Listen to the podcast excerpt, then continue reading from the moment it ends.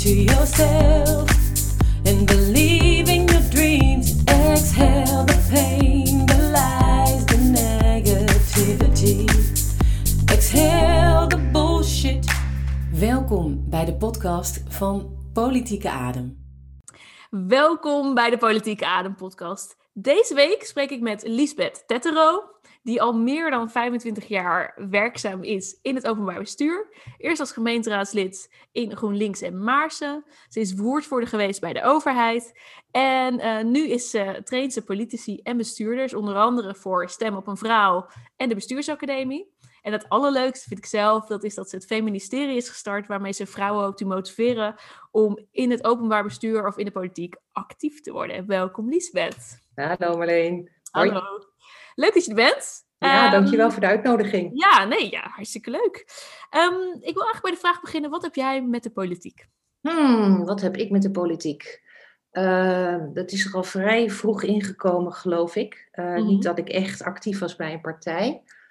Maar ik weet al twee, oma spreekt, jeugdherinneringen, eh, die, er, die de basis hebben gelegd. En ehm, de eerste is in de tijd van de jaren tachtig, begin jaren tachtig, misschien ja, Mhm. eind jaren zeventig. toen we met, ja, toen was er heel veel over de neutronenbom, de kern, kernbommen. Die heette toen nog neutronenbommen. Oké. En daar zullen we het op school over gehad hebben. En eh, bommen die door straling alle mensen doden. Mhm. En dat dan ehm, ja, de gebouwen bleven staan en zo. En ik weet nog wel dat ik ergens op een straathoek stond. En dat ik een sticker op een, zo- zo'n paal van een stoplicht zag. En dat dan stop de neutronenbom. En ik dat, dat beeld had van dat die hele straat leeg zou zijn. En dat is een heel krachtig beeld wat ik nog steeds heb. Dus dat heeft echt wel ook vorm gegeven aan mijn politieke keuzes. Mhm. Ehm, het andere was dat ik op de middelbare school volgens het lesrooster maatschappijleer had van de ene meneer Hans Jans, Janmaat. Oh, joh. Eh, ja, de, de leider van de Centrum Democraten en de Centrumpartij. Dat heb ik ook niet helemaal meer helder, dat is zo lang geleden. Mhm. Ehm, ja, die gaf maatschappijleer bij mij op school. En ik geloof niet dat iemand ooit een les bij die man gevolgd heeft. Eh, altijd, er moest altijd een schoolkrant af of, of altijd wat dringende dingen. Maar het startte wel de hele discussie over eh, ja, zijn maatschappijvisie. Mhm. Ehm, Hij was ook heel uitgesproken tijdens die les. nou, dat weet ik dus niet. Ik Oh, ben nooit binnen. Nee, ik ben er nooit geweest. En eh, eh, geloof mijn klasgenoten ook niet. Ik weet niet, misschien stond hij gewoon voor de vorm op het rooster. Maar alleen al het feit dat hij op het rooster stond en dat dus het gesprek kwam van ja, waarom ging je dus niet naar die, die lessen? Mhm. Dat was heel vormend. Hmm. Dus mogelijk door de combinatie van die twee beland ik bij GroenLinks. Dat klinkt best wel logisch eigenlijk. Leg even de logica uit. Nou, het, het pacifistische van, van de eh, kernbom. En GroenLinks is ook eh, ontstaan uit de PSP, de Pacifistisch Socialistische Partij. ja. En verder de, de, ja, de, de linkse en de, eh, de, de agenda van diversiteit en van, ja, nou wil ik tolerantie zeggen, maar daar heb ik, dat is een hele andere discussie. Gewoon inclusiviteit, dat woord zocht ik even. Ja. Ja. En dat was eigenlijk de reden dat je ooit dan voor de PSP ging en later GroenLinks? Ja, ja, inderdaad. Ja, Maar dus, weet je wel- dat. Ja, zeg maar, want eh, dan zoek ik even naar de stap. Hè? Hoe, hoe kom je dan, zeg maar, oké, dat zijn twee vormende Mhm. momenten in je leven. En dat is eigenlijk vrij jong nog in je jeugd. Hoe kom je dan van daar naar gemeenteraadslid? Want Ja, best wel nou, en dat is iets heel feminins. Leg Ja, nee, serieus. Dit is echt, dit is echt een vrouwendingetje. Ik ben gevraagd. Ik dacht niet uit Ah. mezelf van, goh, zou dat wat voor mij zijn? Mhm. Nee, ehm, ik was wel lid geworden in 2002. Hè? Ook een politiek bepalend moment voor veel mensen. Hè? De moord op Fortuyn, de kogel kwam van links, allemaal dat soort dingen. Ja. Ehm, en ik verhuisde van Utrecht naar Maarsen. Hemel spreekt nog geen 10 kilometer. Mhm. Ehm, maar daar waren ze zo pinter om mij even te bellen. Van, hey, nieuw lid in de gemeente. Ehm, goh, eh, eh, zullen we eens kennis maken? En dat beviel. En voor ik het wist, knipper ik met mijn ogen, stond ik op de lijst en zat ik in de gemeenteraad. Mm. Maar het was dus niet iets wat ik zelf bedacht had. En eh, toen ze me vroegen, ook heel feminien, dacht ik eerst, kan ik dat wel? Is dat wat voor mij? Is dat niet veel te ingewikkeld? Ehm, En toen zeiden ze, ah joh, kon je best. Mhm. En dat bleek gelukkig ook zo te zijn. Mhm. Dus, dus ja, dus zo belandde ik echt eh, midden in de politiek. En hoe, hoe, hoe vond je dat? Hoe, hoe was dat? Ja, ik vond het gaaf. Mhm. Eh, Het raadlidmaatschap is een heel bijzondere manier om betrokken te zijn bij je gemeente. Eh, je krijgt ineens overal kijkjes achter de schermen. Je, je mag je overal mee bemoeien, om het zo te zeggen. Je komt op plekken waar je anders nooit komt. En mensen willen je van alles vertellen en uitleggen. En ze weten je ook te vinden als ze vragen hebben. En soms ook problemen. Dus, dus ja, ik vond dat heel waardevol en ook heel leuk. En wat vond, je, wat vond je het leukst? Of een van de leukere dingen? Wat, wat maakt het leuk? Eh, het, het leukste vond ik zelf die contacten dus vooral in de gemeente. Ja. Ehm, de bestuurscultuur in deze gemeenteraad, daar was ik niet heel erg, nou, blij mee, zou ik maar zeggen. Maar ik, ik vond debatteren ook wel heel erg leuk. En Ja. wat bedoel je met de bestuurscultuur? Waar, waar was je dan niet zo blij mee?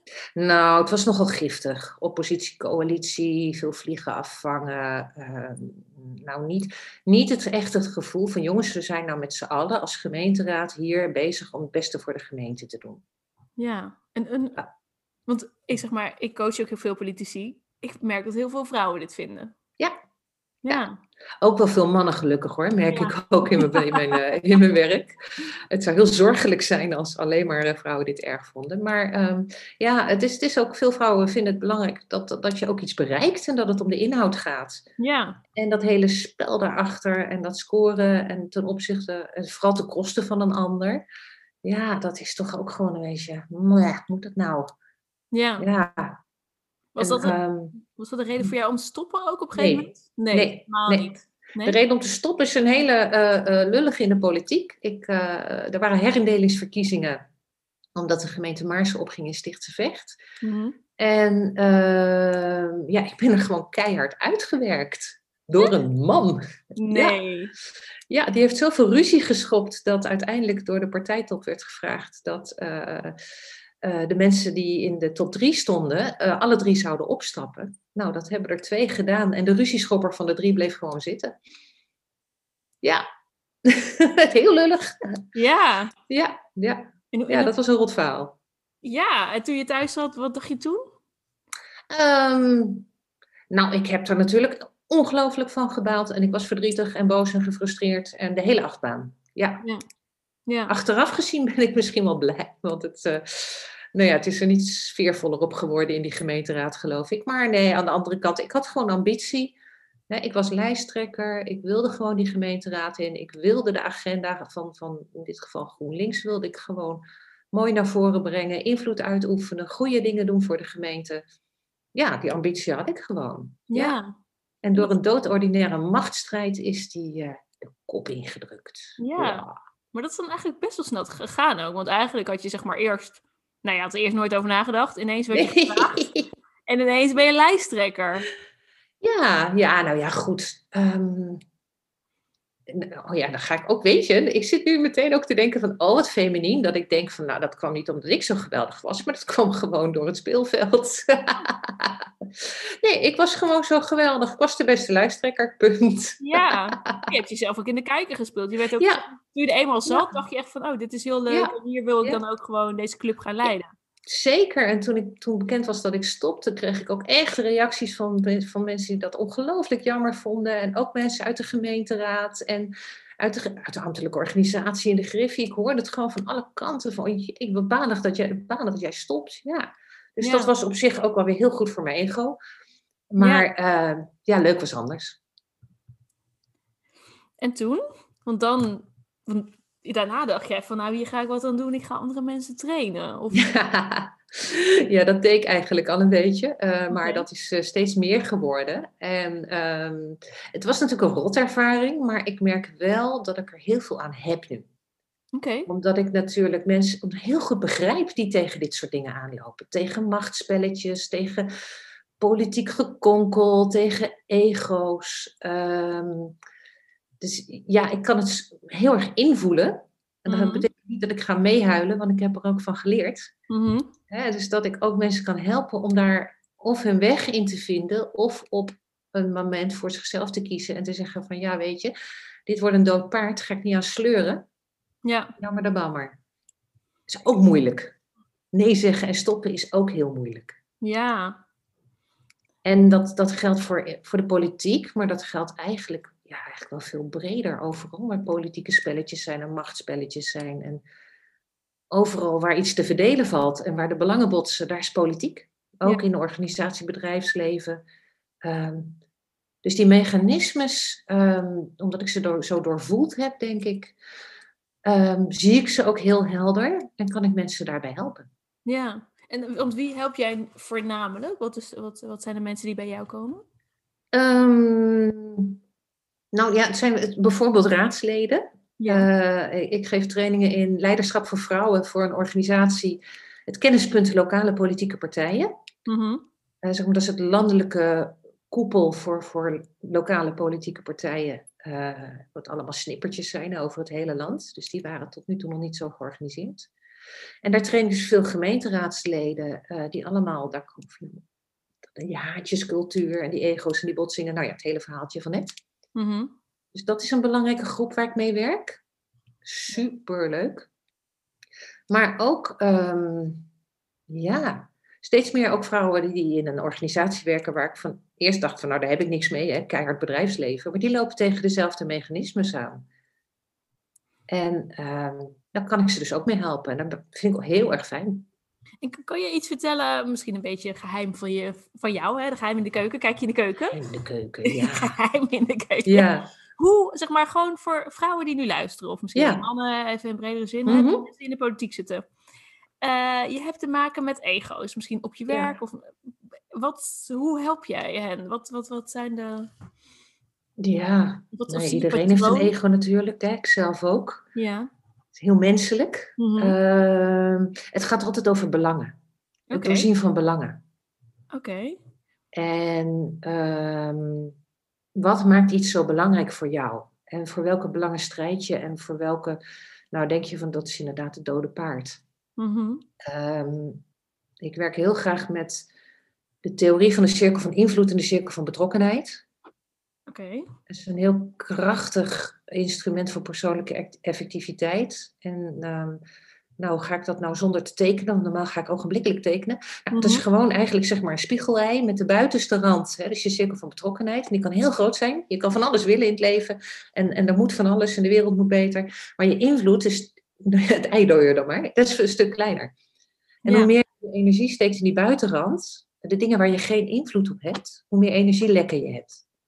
Ah, En dat zorgt voor machteloosheid. En dat kan uiteindelijk zelfs tot afhaken en burn-outs leiden. ja. En teleurstelling. En nou dan maar niet meer in de politiek. En ze luisteren toch niet. En ze willen toch niet. Dat, dat hoor je dan vaak van mensen die zo teleurgesteld zijn. En ehm, dat heb ik ook moeten leren. Eh, Ja. ja. Dat is een mooie... eh, ja, dat zit in het boek van mensen dat willen, zeven, willen weten. Zeven eigenschappen van effectief leiderschap van Stephen Covey. Ik heb geen aandelen, maar ik vind het wel goed. Mhm. Maar de basis ligt al veel eerder, die ligt bij de Stoïcijnen. Een, een Grieks-Romeinse filosofiestroming, Mhm. ehm, die echt gingen over pick your battles. Waar steek je je energie in? Ehm, accepteer wat je niet kan veranderen. En dat is een mooie gezegde, van accepteer wat je niet kan veranderen. eh, ga vechten voor wat je kan veranderen. Maar eh, wees zo slim genoeg om het onderscheid te zien. Ik vind dat wel een hele goede tip. Want kom je, veel- kom je eigenlijk mensen tegen die gewoon heel veel tijd besteden aan ja, eigenlijk eh, hè, het eiwit? Ja, Ja? heel veel, ja. Ja. En dat is bevlogenheid en dat, is, dat zijn je drijfveren, dat is je passie. Dat is fantastisch. En, en dat, zijn, dat maakt dat jij eh, wat wil in het leven. Dus ik zeg helemaal niet dat betrokkenheid slecht is, integendeel. Ehm maar weet dat het jouw brandstof is en eh, dat dat niet noodzakelijkerwijs de drijfveren van iedereen om je heen zijn. Dus eh, als jij geen kans ziet om anderen mee te krijgen, dan, dan is van wat, de keuze, wat zit er wel in mijn invloed? Wat kan ik wel bereiken? Om in ieder geval een stap in de goede richting te zetten. En dat, dat is zo belangrijk. Mhm. En dat, ik zou bijna zeggen dat de helft van mijn coachings en trainingen daarover gaan. En dan, dan- maar Oké, ik zit even te kijken van, oké, want je passie zit in het ei wit, maar eigenlijk ook in het ei geel, toch? Dus ook waar je invloed op hebt. Of is Jazeker, ja, ja, het hele ei. Ja, het hele Prachtige ei. beeldspraak. Ja. ja. Ja, alleen waar steek je energie in? Steek je je energie in waar je invloed op hebt? Hè? Of steek je energie in je hogere doelen? Kijk, ik kan wel willen dat er wereldvrede komt. Ik kan willen dat alle ongelijkheid de wereld uit is. eh, dat de plastic soep uit de oceaan gaat. Dat het ruimteval wordt opge- opgeruimd. Hè? Want eh, we beperken onze zooi niet tot onze aardbol. En, maar als ik mezelf daarop afreken, dan word ik een heel teleurgesteld en zuur mens. Ja, Eh, terwijl als ik kijk van wat kan ik dan wel doen, dan vind ik Bojan Slat zo geweldig hè, over die plastic soep. Dan kan je heel machteloos voelen van hoe kan ik nou dood doen? Nou, dat is gewoon een hele slimme gast en die heeft daar dat, dat apparaat voor bedacht. Dat Ja. zat in zijn cirkel van invloed omdat hij daar de kennis voor had en de, de, de, de middelen voor had om dat te bedenken. ja. Dus je kan wel gaan zitten sippen van ze gooien allemaal plastic in de oceaan en dat is zo slecht. Nou, hij heeft gewoon bedacht daar kan ik wat van doen. ja. Geweldig. En hoe vertel jij dat dan naar een gemeenteraadslid in het land ergens? Nou, nou ja, dat, dat doe ik ook heel letterlijk. Ehm, zo, oké, van jij wil iets bereiken in de gemeente. Jij wil heel graag eh, dat er, nou ja, ik zeg maar een idioot voorbeeld, dat alle stoeptegels geel geschilderd worden in het Ja. dorp. Hè? Want eh, daar word je vrolijk van en eh, het ziet er leuk uit. En dat is echt jouw missie.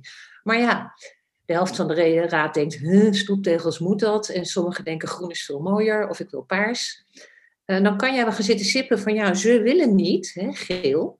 Mhm. Maar eh, je kan ook gaan kijken van, nou oké, misschien kan ik met een pleintje beginnen. Eh, misschien kan ik ook wel achter de schermen in gesprek met mensen van, nou, eh, eh, als ik dan de gele stoeptegels krijg, waar kan ik jou dan mee steunen? Mhm. Ehm, het, het kan zijn van, oké, misschien is er ook wel wat te zeggen voor oranje. Komen we daarop uit? Mhm. Dus je cirkel van invloed is stappen ondernemen om te onderhandelen, om uit te zoeken, om, om te kijken waar de kansen wel liggen. Dus eigenlijk zeg je kleine stapjes. Nee, baby steps. Baby Ja. steps. Hoe eet je een olifant? Hapje voor hapje. Sprak de vegetariër. Wel even bezig, denk ik. Ehm, Van marsepein nu. ja, en, en zeg maar, want ehm, ik kan me voorstellen dat sommige mensen zo- zo'n grote ambitie hebben dat ze het heel vervelend vinden, zeg maar, die baby Ja. stapjes. Ja, Ja. klopt. Ja.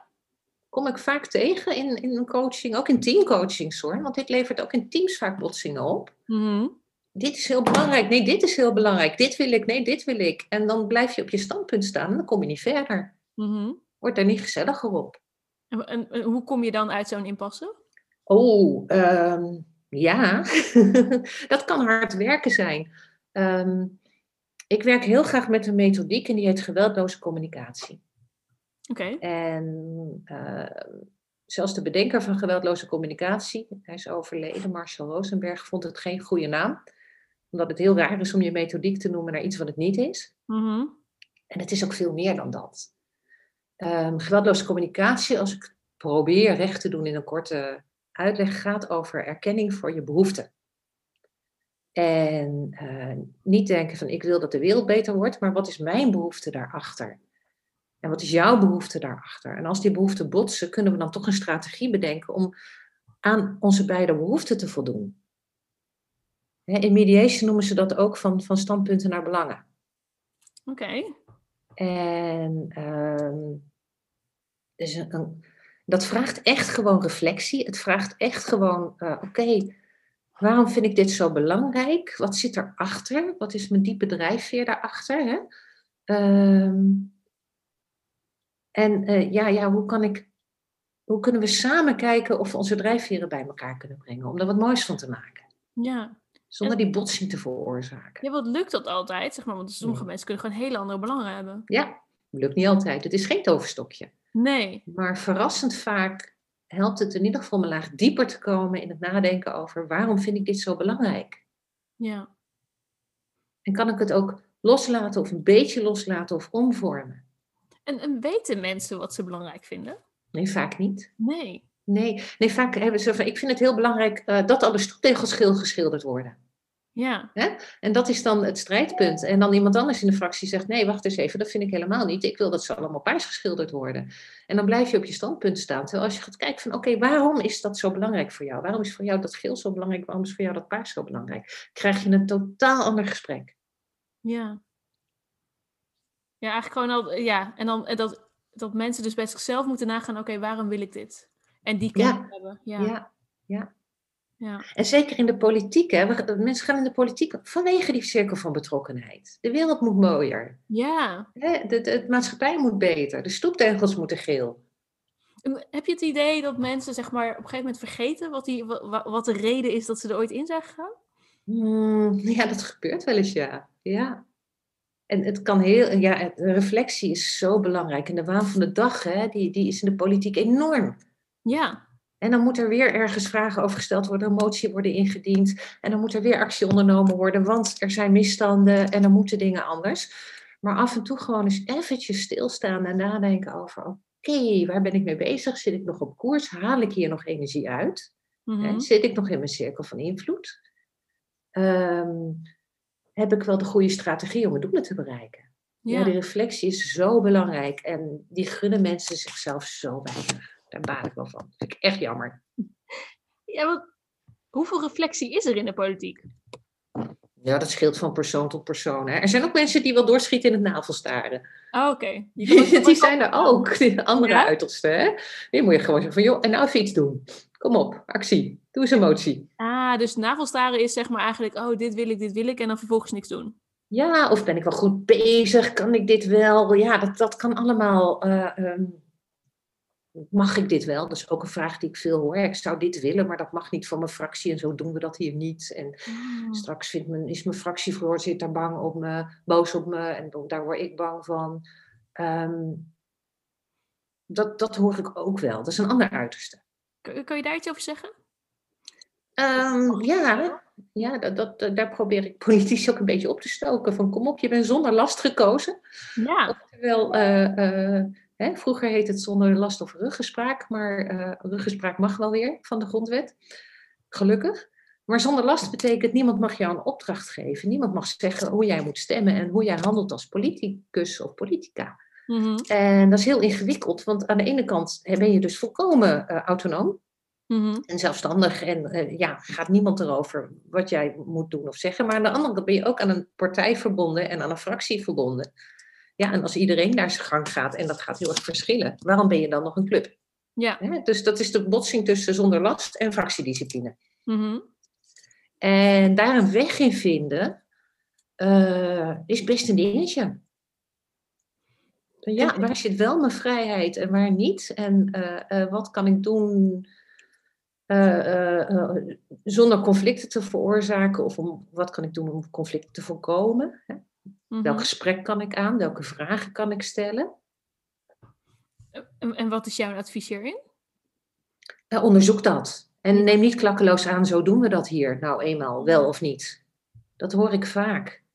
Hè, een, een, een vrouw die coach, die zei laatst... eh, eh, ja, ik wil heel graag contact opnemen met iemand van een andere fractie over dit en dit punt. Maar eh, ja, zo doen wij dat niet. Hè? Dat wordt niet op prijs gesteld. En dan zeg ik alleen maar, oh jij joh, weet je dat zeker? Heb je het al eens geprobeerd? Heb je het al Mhm. eens gewoon bespreekbaar gemaakt? Van jongens, ik wil graag om die en die reden contact opnemen met die en die. Mhm. Nee, nee, nee. Maar zo ontstaan culturen, hè? Culturen zijn gewoon een hele set van zo doen wij dat nou eenmaal, of zo doen wij dat nou eenmaal niet. Mhm. En in de politiek zijn er daar ongelooflijk veel van. Van culturen, verschillende culturen, van zo doen Ja. wij dat niet. Ja, Eh, overal waar een groep mensen bij elkaar is natuurlijk. Ja. Dat is niet ja. aan de politiek ja maar voorbehouden. goed, nu hebben we het even specifiek over politiek. Ja, ja. Kan je daar eens voorbeelden van noemen? Of dingen dat je echt dacht, nou, bizar. Dat dit...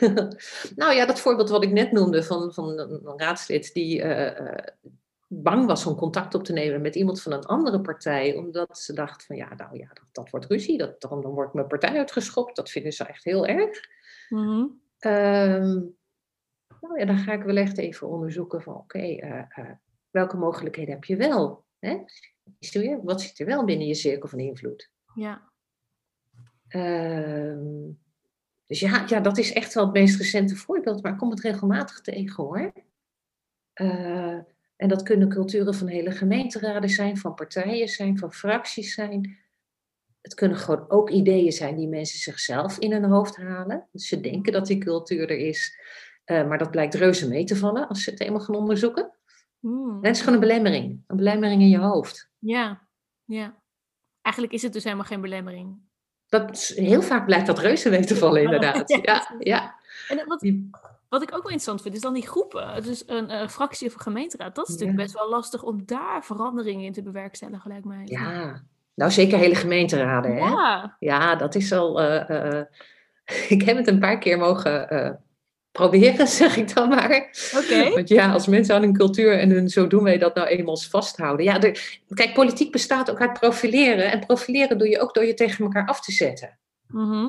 Hè? En, en je merkt ook, eh, nou ja, het wordt natuurlijk landelijk weer verkiezingstijd. Dus dat partijen zich tegen elkaar gaan afzetten die nu nog samenwerken. En dat wordt ze niet altijd in, in dank afgenomen. Mhm. Dus dat ehm, ja, contrast zou ik bijna zeggen tussen samenwerken aan de ene kant en eh, profileren aan de andere kant.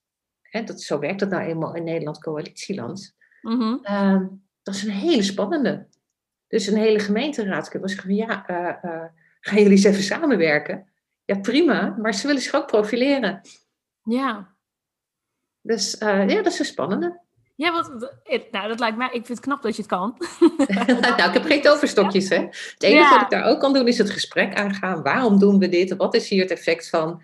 Hè? En, en wat willen we wel en wat willen we niet? Puur weer de reflectie. Mhm. Dus eigenlijk is het zeg maar hoe je één op één mensen coacht, misschien niet eens zo heel veel anders dan hoe je groepen coacht.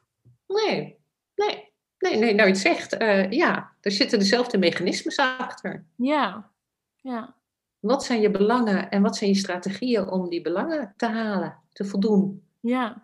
Maar want een gemeenteraad lijkt me lastiger, omdat ik denk, maar dat is een aanname van mij, hè? Je mag Mhm. zeggen als het niet, als het niet klopt, eh, dat mensen toch niet het achterste van hun tong laten zien. als Soms je- niet, nee, nee, Nee. dat klopt. Sommigen wel, sommigen niet. Nee. Het zijn gewoon verzamelingen mensen en hele bonte boeketjes vaak. Ja. Is dat niet ingewikkeld? Dat je gewoon denkt, er speelt hier nog iets anders, maar er wordt niet gezegd? Ehm, ja, ja. Kijk, de wil moet er zijn. Hè? En mensen willen alleen maar veranderen als er intrinsieke motivatie is. Hè? Als mensen Ja. gewoon zelf zien wat, wat- waarom het voordelen heeft om te veranderen. Ja, Ja. En als mensen zich vasthouden aan, aan de voordelen die het voor ze heeft om niet te veranderen, om toch eh, die, die oppositie-coalitie tegenstelling bijvoorbeeld heel erg eh, vast te houden. Ja, dan houdt het ook op, hè? Mhm. Wij kunnen ons vak uitoefenen wat we willen als coach en als, als teambegeleider en procesbegeleider. Eh, ook hier moeten wij onze cirkel van invloed eh, heel goed Ja, onderzoeken. Ja, En, en- maar ja, dus er zijn ook gewoon mensen die eigenlijk niet willen veranderen, die belang hebben bij, bij tegenstellingen. Ja, Ja. Nou ja, kijk maar gewoon naar alles wat je hoort en leest over politiek. ja. En dat vind ik verdrietig, maar het is wel, ja, helaas ehm, hoe het lijkt te werken. Hoewel er gelukkig ook zat andere voorbeelden zijn. Maar dat is, dat is die strijd. De strijd tussen profileren en samenwerken om de wereld mooier te maken. Mhm. En waarom vind je dat dan, want waarom vind je dat verdrietig? Eh, omdat het voor heel veel mensen een energielek is. Mhm. En met mijn stokpaardje met het feministerie, dat heeft Atria ook onderzocht, hè, het kenniscentrum voor eh, van, van alles wat met vrouwen te maken heeft. Eh, ehm, eh, vooral gericht op de politiek. Ja. Ehm, die hebben onderzocht in 2016 in het rapport Vrouwenstemmen dat heel veel vrouwen of al geen belangstelling, belangstelling hebben om de politiek in te gaan, of Ja. ze haken eerder af. ja. En dat is zo zonde. En dat komt voor een groot deel hierover van jongens, kunnen we het niet, jongens, kunnen we het niet over de inhoud hebben? jongens, mannen, heren, kunnen we het Ah. niet eens over de inhoud hebben? En dat, dat maakt dat het, ja, en ook, ook veel mannen voelen dat hoor. Die denken, "Jee, wat is dit nou, waar ben ik beland? En- Ehm, Ja, en help mij eens, waarom zou je het niet over de inhoud willen hebben? ja, goede vraag. Ja, Om- Omdat profileren belangrijker kan zijn. ja. En het is ook wel zo. eh, ik herinner me een citaat van Carola Schouten toen ze nog in de Kamer zat. Van ja, weet je, wat komt er nou over de Kamer in het nieuws? Dat zijn botsingen, dat zijn conflicten, dat is die tegen die. En terwijl ze, toen had ze een voorbeeld van een motie waar ze best hard aan had gewerkt. En achter de schermen keihard had gelobbyd en onderhandeld. En uiteindelijk een, meerderheid ervoor had gekregen. Mhm, Ik weet niet meer wat voor motie het was overigens. mhm. eh, of dat überhaupt in, in, in die anekdote zat. Eh, maar dat die motie toen is aangenomen, er was een meerderheid voor, dankzij haar, haar achter de schermen werk. En dat was een motie die echt positieve effecten had voor het leven van veel mensen. En hoeveel las je daarover in de krant en hoeveel zag, zag je daarover aan de, aan de praattafels op tv? Nul, niks, nada. Ja. En, want dat is natuurlijk een beetje het dilemma waar veel politici in zitten. Want dan over elke vier jaar wordt er toch weer een lijst gemaakt. En de mensen die het meest zichtbaar zijn geweest, die komen Ja. vaak hoog op de lijst. ja. En eigenlijk dus alleen door je te profileren, door eigenlijk door niet samen te werken. ja Of nou ja, ik nou, stel nu heel zwart-wit, Ja, maar ja. Ja, kom je bovenaan? Is dat, is dat het? Of, Nou, ik, ik, ik denk dat, dat, dat je ook heel goed je kan profileren door ook samen te werken. Maar ehm, Mhm. gooi ik weer even zo'n feminien alarm eh, in, in, de groep. Oké, Ehm, ik hoor heel vaak van vrouwen die ik coach en train. Ja. ehm, het gaat om de inhoud en ik hoef zelf niet zo eh, in de spotlight. Oh, En dan als coach en trainer en als iemand die vooral meer vrouwen in de politiek en ook zichtbaar wil hebben. denk mhm. van wacht eens even. Prachtig dat je zaait en oogst. ja, Maar zet er ook even de spotlight op. Want anders ten eerste ben jij onzichtbaar. En dat is helemaal niet goed voor je, je politieke carrière. nee. Maar ten tweede, het is ook zo belangrijk dat de buitenwereld het ziet. Dat het ook anders kan in de politiek. Dat het meer is dan alleen maar conflict.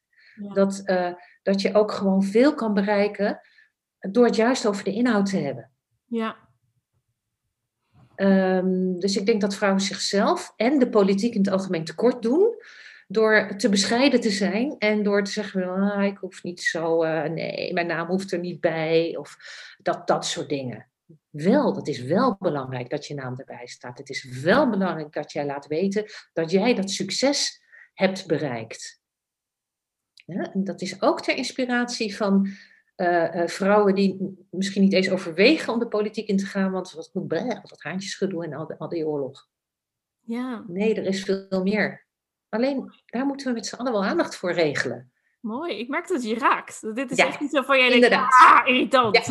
Hier zit je in de kern van wat, wat ik eh, Ja. eh, eh, doe, hè? Ja, Ehm, nee, nou toch in die vibe zit. Eh, als, als ik die vrouwen train, hè, die vrouwen, die geweldige, bevlogen, ambitieuze vrouwen train, hè, die, die, Ja. die politiek actief zijn of actief worden, dan vraag ik ook al van, oké, wat is jouw belangrijkste politieke talent?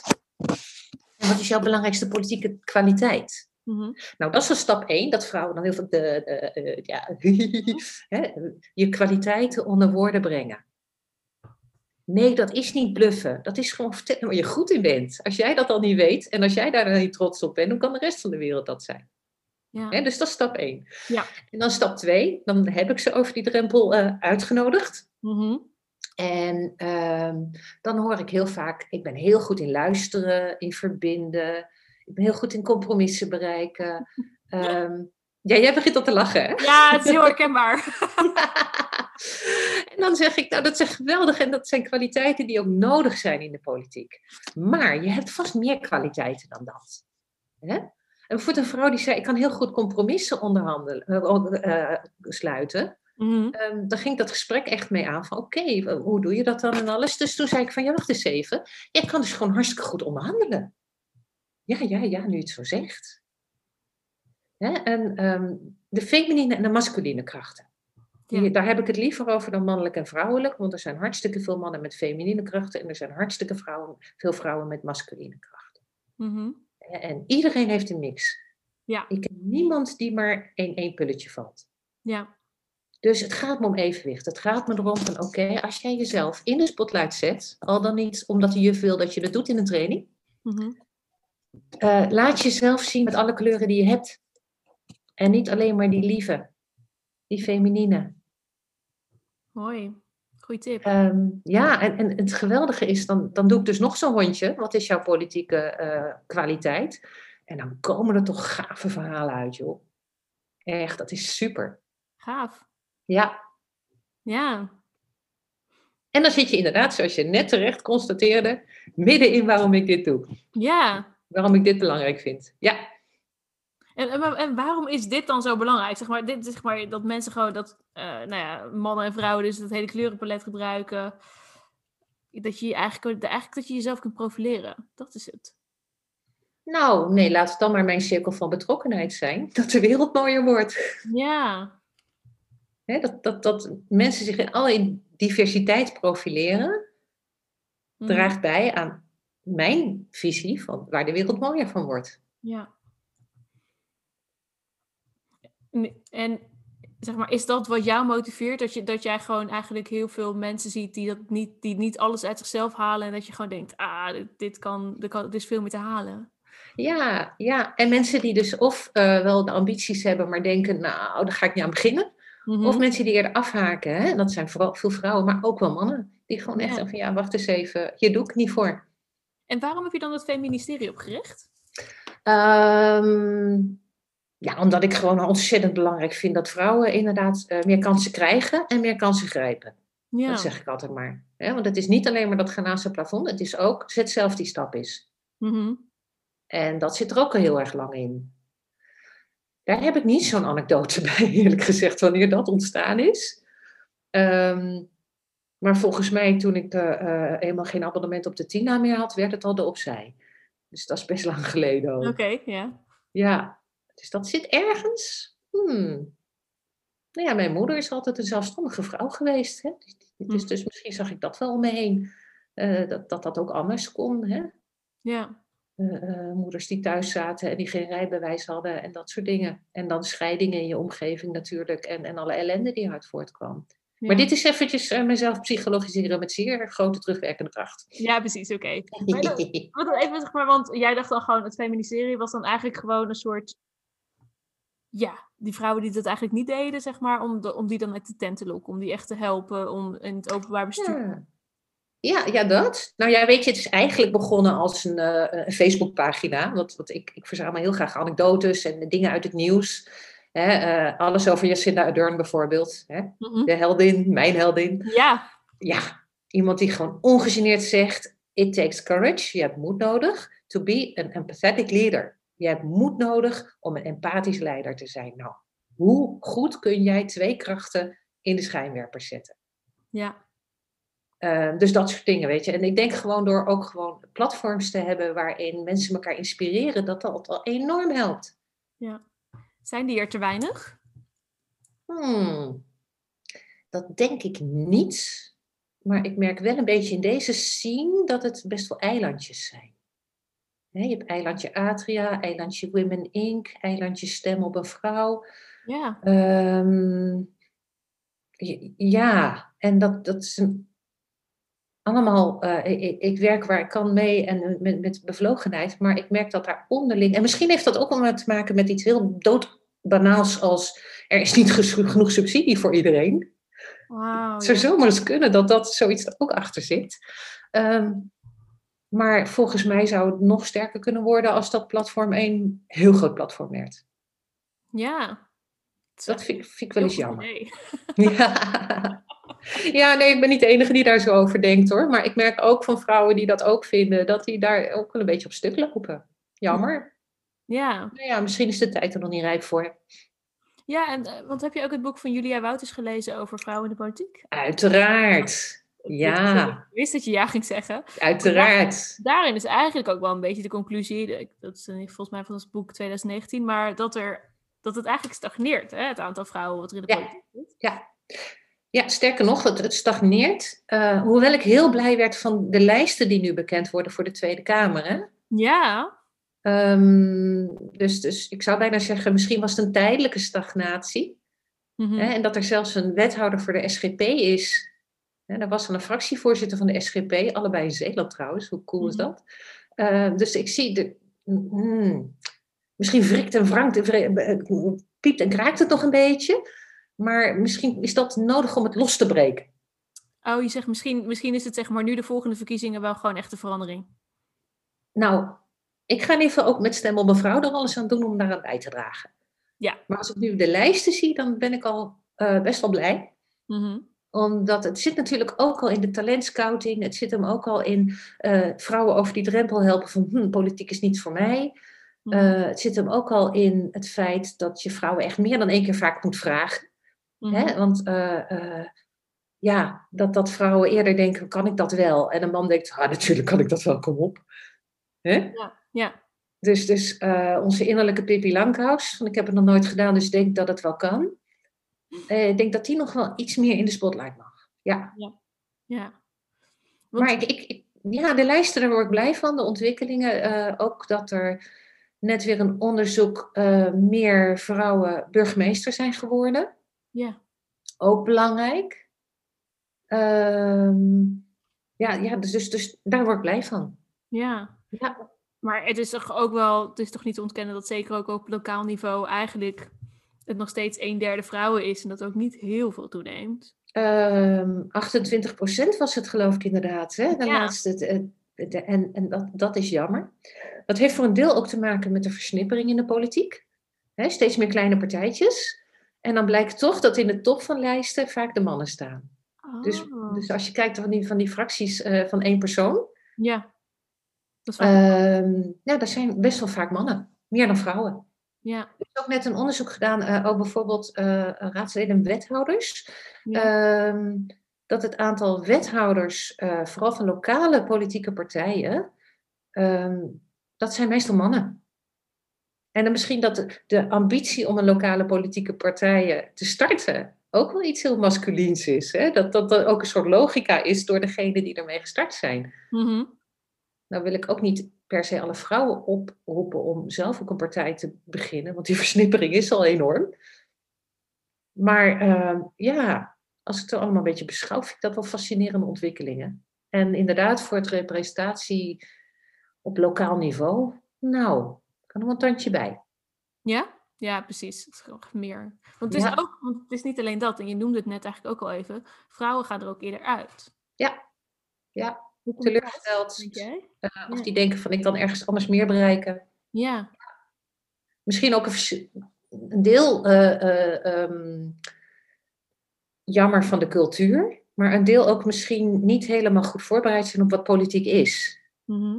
Hè, we zitten in een coalitiemaatschappij. Dat betekent dat je altijd moet onderhandelen. eh, dat het altijd ingewikkeld kan zijn om je doelen te behalen. En zeker als je in de oppositie zit. Hè, we hebben in Nederland in de meeste politieke organen best wel een scherpe scheiding tussen oppositie en coalitie. Helaas. Ehm, als je dan in de oppositie zit, dan denk je, ja, die coalitie heeft toch wel de meerderheid, die regelen alles. Wat is mijn invloed nou nog? ja, precies.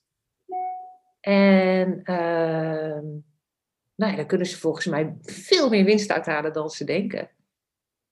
Want Maar daar moet je wel eventjes mee beginnen. Ja, en niet Ja. alleen maar, ze willen toch niet. En ik zit toch in de oppositie, dus ik bereik toch nooit wat. Ja, dan organiseer je je eigen teleurstelling, toch? Ja, ja. Ja, precies. Dat is wat je ziet. Eh, Dat zeg maar, mensen eigenlijk gewoon denken: oh, ik ga nu de politiek in, ik ga de wereld veranderen. En vervolgens Ja. komen erachter dat het de praktijk toch wat weerbarstiger is. Behoorlijk wat, ja. Ja, ja. ja. ja. Hey, en je noemde even gewoon tussen neus en lippen door, zeg maar, dat in Nederland best wel een groot verschil is tussen oppositie en coalitie. Is dat in andere landen niet? Of kan dat anders? Jawel, ook wel hoor. Sterker Ja. nog, hè, bijvoorbeeld als je naar, naar eh, de Verenigde Staten kijkt. Ja, kan het scherper dan dat? Ja, daar wordt gewoon in vijandbeelden gesproken. Dat is natuurlijk heel dramatisch. ja, maar daar verandert natuurlijk ook alles mee. Zeg maar. Dus als de Democraten in het Witte Huis gaan, dan gaan gewoon alle ambtenaren Ja. Dan komen Ja. alle Democraten erin. Dat is ja, ja. natuurlijk niet zo. Eh, geluk, ja, dat is het voordeel. Hè? De versnippering en de coalitiemaatschappij die we hier hebben, die zorgen wel veel meer voor veelkleurigheid. En ook wel voor meer, ja, ik denk ook wel op de langere termijn meer stabiliteit. Hè? Dat het inderdaad niet allemaal, oh, we gaan nu over die kant, hoppatee, alles wordt anders. Ja, Ehm, hè, in Engeland zie je dat ook heel erg. Daar hebben ze één keer een coalitie moeten smeden, joh. Ze wisten niet wat ze overkwam. Ja, De- de- dat was toen gewoon echt een shock voor ze, dat niet Ja. één van de twee grote partijen een absolute meerderheid had. ja, ja, Nou, dat eh, was echt gewoon daar eh, een dingetje hoor. ja. Ik geloof Maar- dat ze daar maar liefst een week over hebben gedaan. Grappig? Maar ik vind ook, kijk, in, want in Nederland slaan we nu soms ook wel een beetje door dat je coalities met zeven partijen moet. Nou, dat, Ja, regenboogcoalities hè? ja, Ja. Eh, ja, ja, ja, maar het heeft ook wel iets, iets moois. Want het betekent ook wel dat ze moeten wel samenwerken. En ze moeten wel compromissen sluiten. Mhm. En ehm, eigenlijk ja, is het misschien veel meer zoals het bestel bedoeld is. Hè? Dat Ja. politieke partijen daardoor toch weer minder relevant worden. Ja. En wa- wat hoe is het politieke bestel bedoeld? Ja. Eh, nou ja, nee, wat er, als je gewoon kijkt naar de kieswet en naar de, de gemeentewet en de provinciewet, daar komt het fenomeen politieke partij helemaal niet in voor. nee. Oppositie-coalitie al helemaal niet. Dat Nee. hebben we ooit er zelf bij bedacht, om het, om het een naam te geven. En met een naam geven kreeg het een dynamiek. En met een dynamiek ging het zichzelf in stand houden.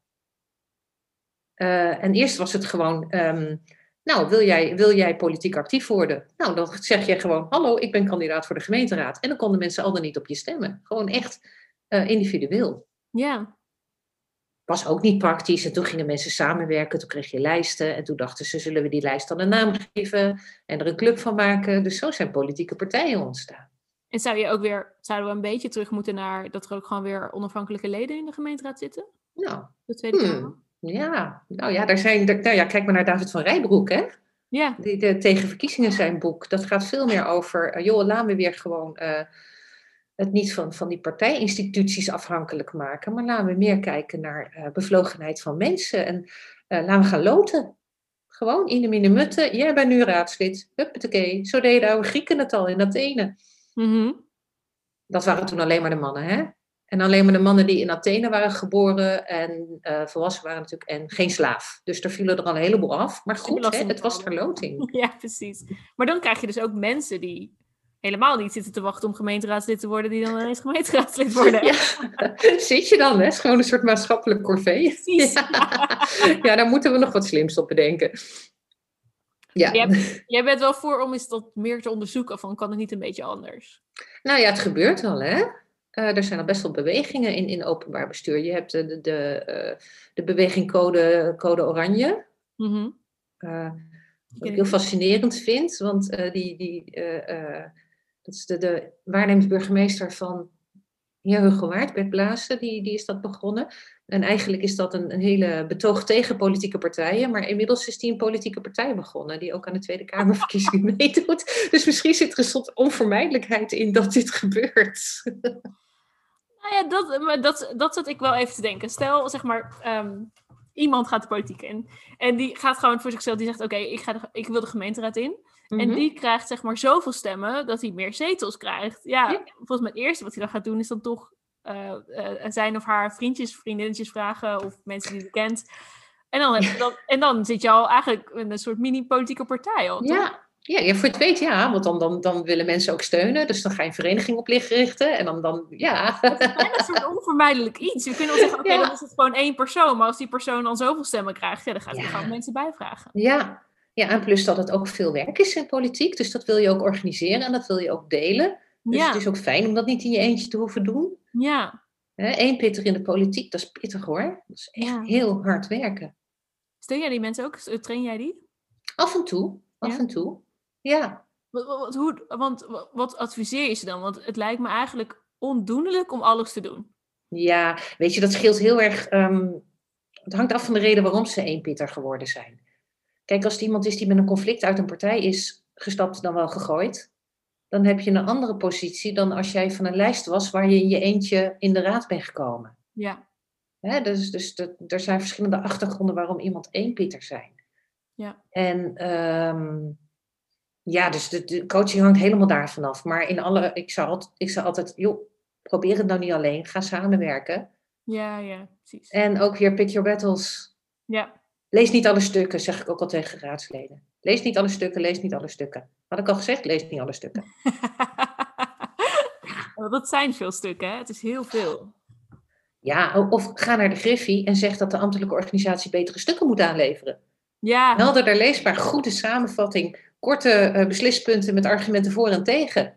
ja, Dat ook als je eh, weinig tijd hebt of het onderwerp niet per se boeiend vindt, want dat komt natuurlijk ook voor, Ja. dat je aan een hele korte notitie al genoeg hebt om te snappen welk besluit je zou nemen en waarom. ja. En want zie jij grote verschillen tussen gemeenten en Ja. provincies? En ja? Ja, ja, zeker. Ja. ja, wat ik vooral zie is dat gemeenteraden, mogelijk ook staten, Mhm. ehm, de assertiviteit niet hebben om dit te vragen. Om te vragen om, eh, oké, eh, eh, ik wil gewoon goed voorzien worden van informatie. Ik wil gewoon Ja. heldere stukken en niet een, een pak papier en zoek zelf maar uit. Nou ja, papier via de iPad dan tegenwoordig. Hè? Ja. 26 documenten met bijlagen en zoek zelf maar even uit wat de hoofdpunten zijn. Ja. Ehm, kijk, je moet politiek beoordelen wat je ervan vindt. Oké, eh, waar- wat representeer ik? Welke waarden representeer ik? En dit besluit, om, om die reden, ben ik voor of tegen. Maar de informatie moet behapbaar zijn, dat is het vaak niet hoor. Nee. Gemeenteraden, dan moet, dit is ook een rottijd, hè? dan moet er bijna overal bezuinigd worden. Mhm. Hè, flinke tekorten, vooral door het sociaal domein. En dan komt ook die corona er nog eens bij. Ehm, en dan is het helemaal niet hip om te zeggen als gemeenteraad, joh, we gaan geld aan onszelf uitgeven, aan een betere ondersteuning. Mhm. Ook in de, geldt ook in de Kamer en ook in de Staten. Hè? Ja. Dus eigenlijk, maar dat is wel wat ze zouden moeten doen. Nou, als je een fatsoenlijke democratie hebt. En toevallig, ik eh, eh, trainde gisteren, dat doe ik ook, ik train beleidsambtenaren in politieke sensitiviteit. Ja. Oftewel, hè, help de politiek en hoe moet ik daar nou mee omgaan? En er was iemand die zei van ja, nou ik vind het gewoon zo lui dat Kamerleden niet de moeite nemen om al zijn stukken te lezen. Nou, ik snap dat hè, vanuit zijn perspectief. Want ze hebben keihard gewerkt om goed doorvrochte stukken aan te leveren. En, dan, en zo'n Kamerlid die denkt van ja, oké, doe maar wat, weet je. Zo, zo is dat, was dat in zijn perspectief. Eh, ja, wacht eens eventjes. Hou er rekening mee dat een Kamerlid het met eh, misschien een half ondersteuner moet doen, die ook nog drie andere portefeuilles heeft. En dat zo'n Kamerlid niet alleen dit belangrijke onderwerp heeft, maar nog twintig andere belangrijke onderwerpen. Ik geef het je te doen. Ja. Echt gewoon lastig hoor. En, en wat zei die ambtenaar? Want... Eh, nou ja, gelukkig zag je wel wat muntjes vallen. oh, oh, ik had geen idee dat het zo ingewikkeld was. Ja. Want die denken gewoon dat beleidsambtenaren ook voor Kamerleden werken. Nee, die zijn van het ministerie, die werken voor de ministers en de staatssecretarissen. Oh. Dat is echt wat anders. Ja. Mensen zijn zich dus helemaal niet van bewust dat er heel weinig ondersteuning is voor politici zelf eigenlijk. Ja, ja. Ja. Dus dat is een andere missie van mij, hè? twee kanten van de medaille. Zowel politici eh, eh, helpen om effectiever en efficiënter en, en gewoon met meer lol te werken, maar ook beleidsambtenaren. Want dit was gewoon bij een organisatie die puur politiek wordt aangestuurd. Ja.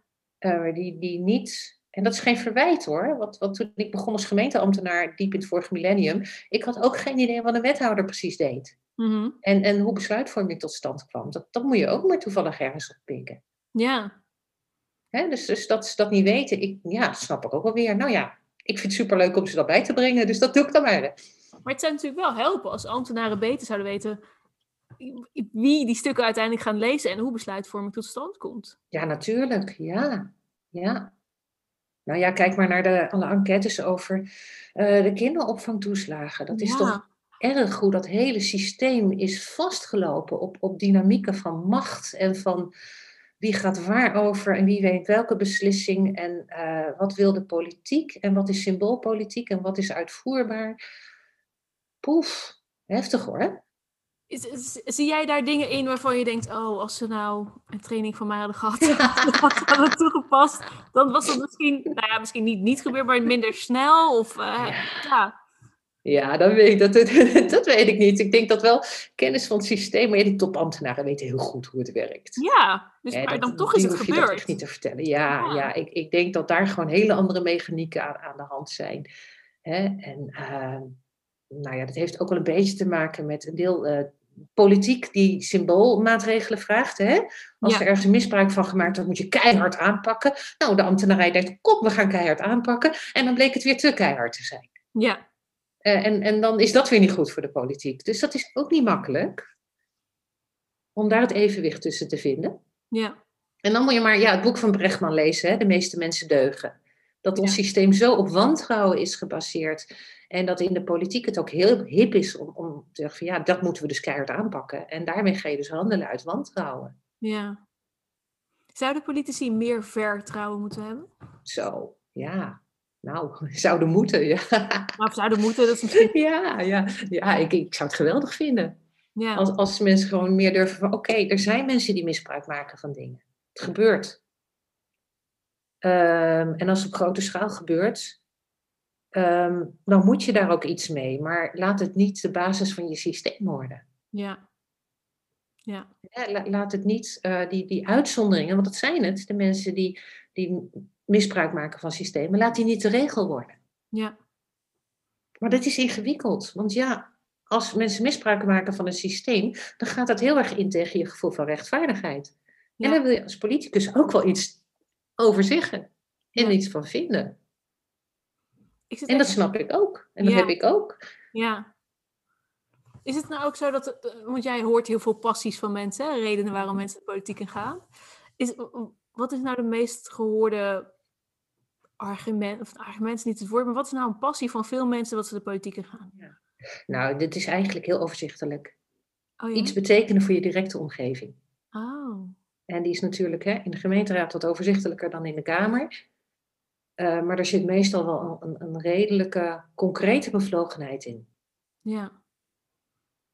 Eh, een eigen portefeuille, zoals je het zou willen zeggen, een eigen missie. Ja. Dus ze willen eigenlijk het verschil maken. En dan als er dus dan misbruik wordt gemaakt van, dan, dan Ja. ja. dat, het is gewoon oneerlijk. Eh, Ja. Politiek gaat over oneerlijkheid. Hè? Het gaat over het verdelen van schaarse middelen. ja, Eh, en als mensen daar dan misbruik van maken, oneerlijkheid is een heel grote drijfveer van mensen om de politiek in te gaan. Er is iets onrechtvaardig en dat moet rechtgezet. ja, precies. En ehm, ja, dat is fantastisch. En dat is een enorme drijfveer, maar misbruik is ook onrechtvaardig. Ja. Ja. Ja, Ik denk dat er hele lichtingen bestuurskundigen kunnen promoveren op wat nu uit die onderzoeken komt van de kinderopvangtoeslagen toestand. Denk je dat we ervan leren? Van zo'n... Ik hoop het. Ja. Ik hoop het. Waar doen we het anders voor, hè? Ja, Waar nee, doen ja. Kamers anders van onderzoek voor? ja. Ja, maar hoe maak je dit? Weet je, op een gegeven moment is het ook een systeem geworden. En systemen zijn het ingewikkeldst om te veranderen. Mhm. En een systeem is een ding, dat zijn geen mensen die dingen doen. Nee, maar het zijn wel de mensen in het systeem die het systeem... eh, Ja, Ja, Ja. discussie, Ja. maar... ja inderdaad. Ja, maar ja, het vraagt dus eh, eh, een paar mensen die zeggen: Oké, en nu is het voorbij met die. We gaan het nu anders doen. Ja. En dan moeten ze ook de kans voor krijgen. Maar zijn we dan nu op dat punt? Oh, Wauw, als ik dat wist. Ik hoop het zo. Ik hoop het zo. Ik word wel eens ongelooflijk ongelukkig als ik de krant lees. En als ik gewoon dingen lees die ik gewoon echt niet begrijp. En waar ik het ook gewoon tot in mijn hart ongelooflijk mee oneens ben. Waar ik heel verdrietig van word. En denk ook van, joh, waar gaat deze wereld heen? Mhm. Ehm, en dan moet ik mezelf echt een trap onder mijn kont geven om de positieve dingen te zien. Om te zien van, oké. En om wat ik net zei, hè, het piept en het knart en het wringt. Ehm, maar hopelijk is dit tijdelijk. Mhm. En dadelijk schiet er ineens iets los, wat kennelijk nu vastzit, en wordt alles anders. Ja. Heel idealistisch misschien, maar ehm, ja, nee, ja, dat heb ik wel nodig om mezelf te motiveren. Ja. Eigenlijk is, is het ook die hoop dat het, dat, het, dat het anders kan en dat het mogelijk is en dat, het- dat het misschien tijd kost, maar dat het uiteindelijk kan. Ja. Dat is dan de motivatie.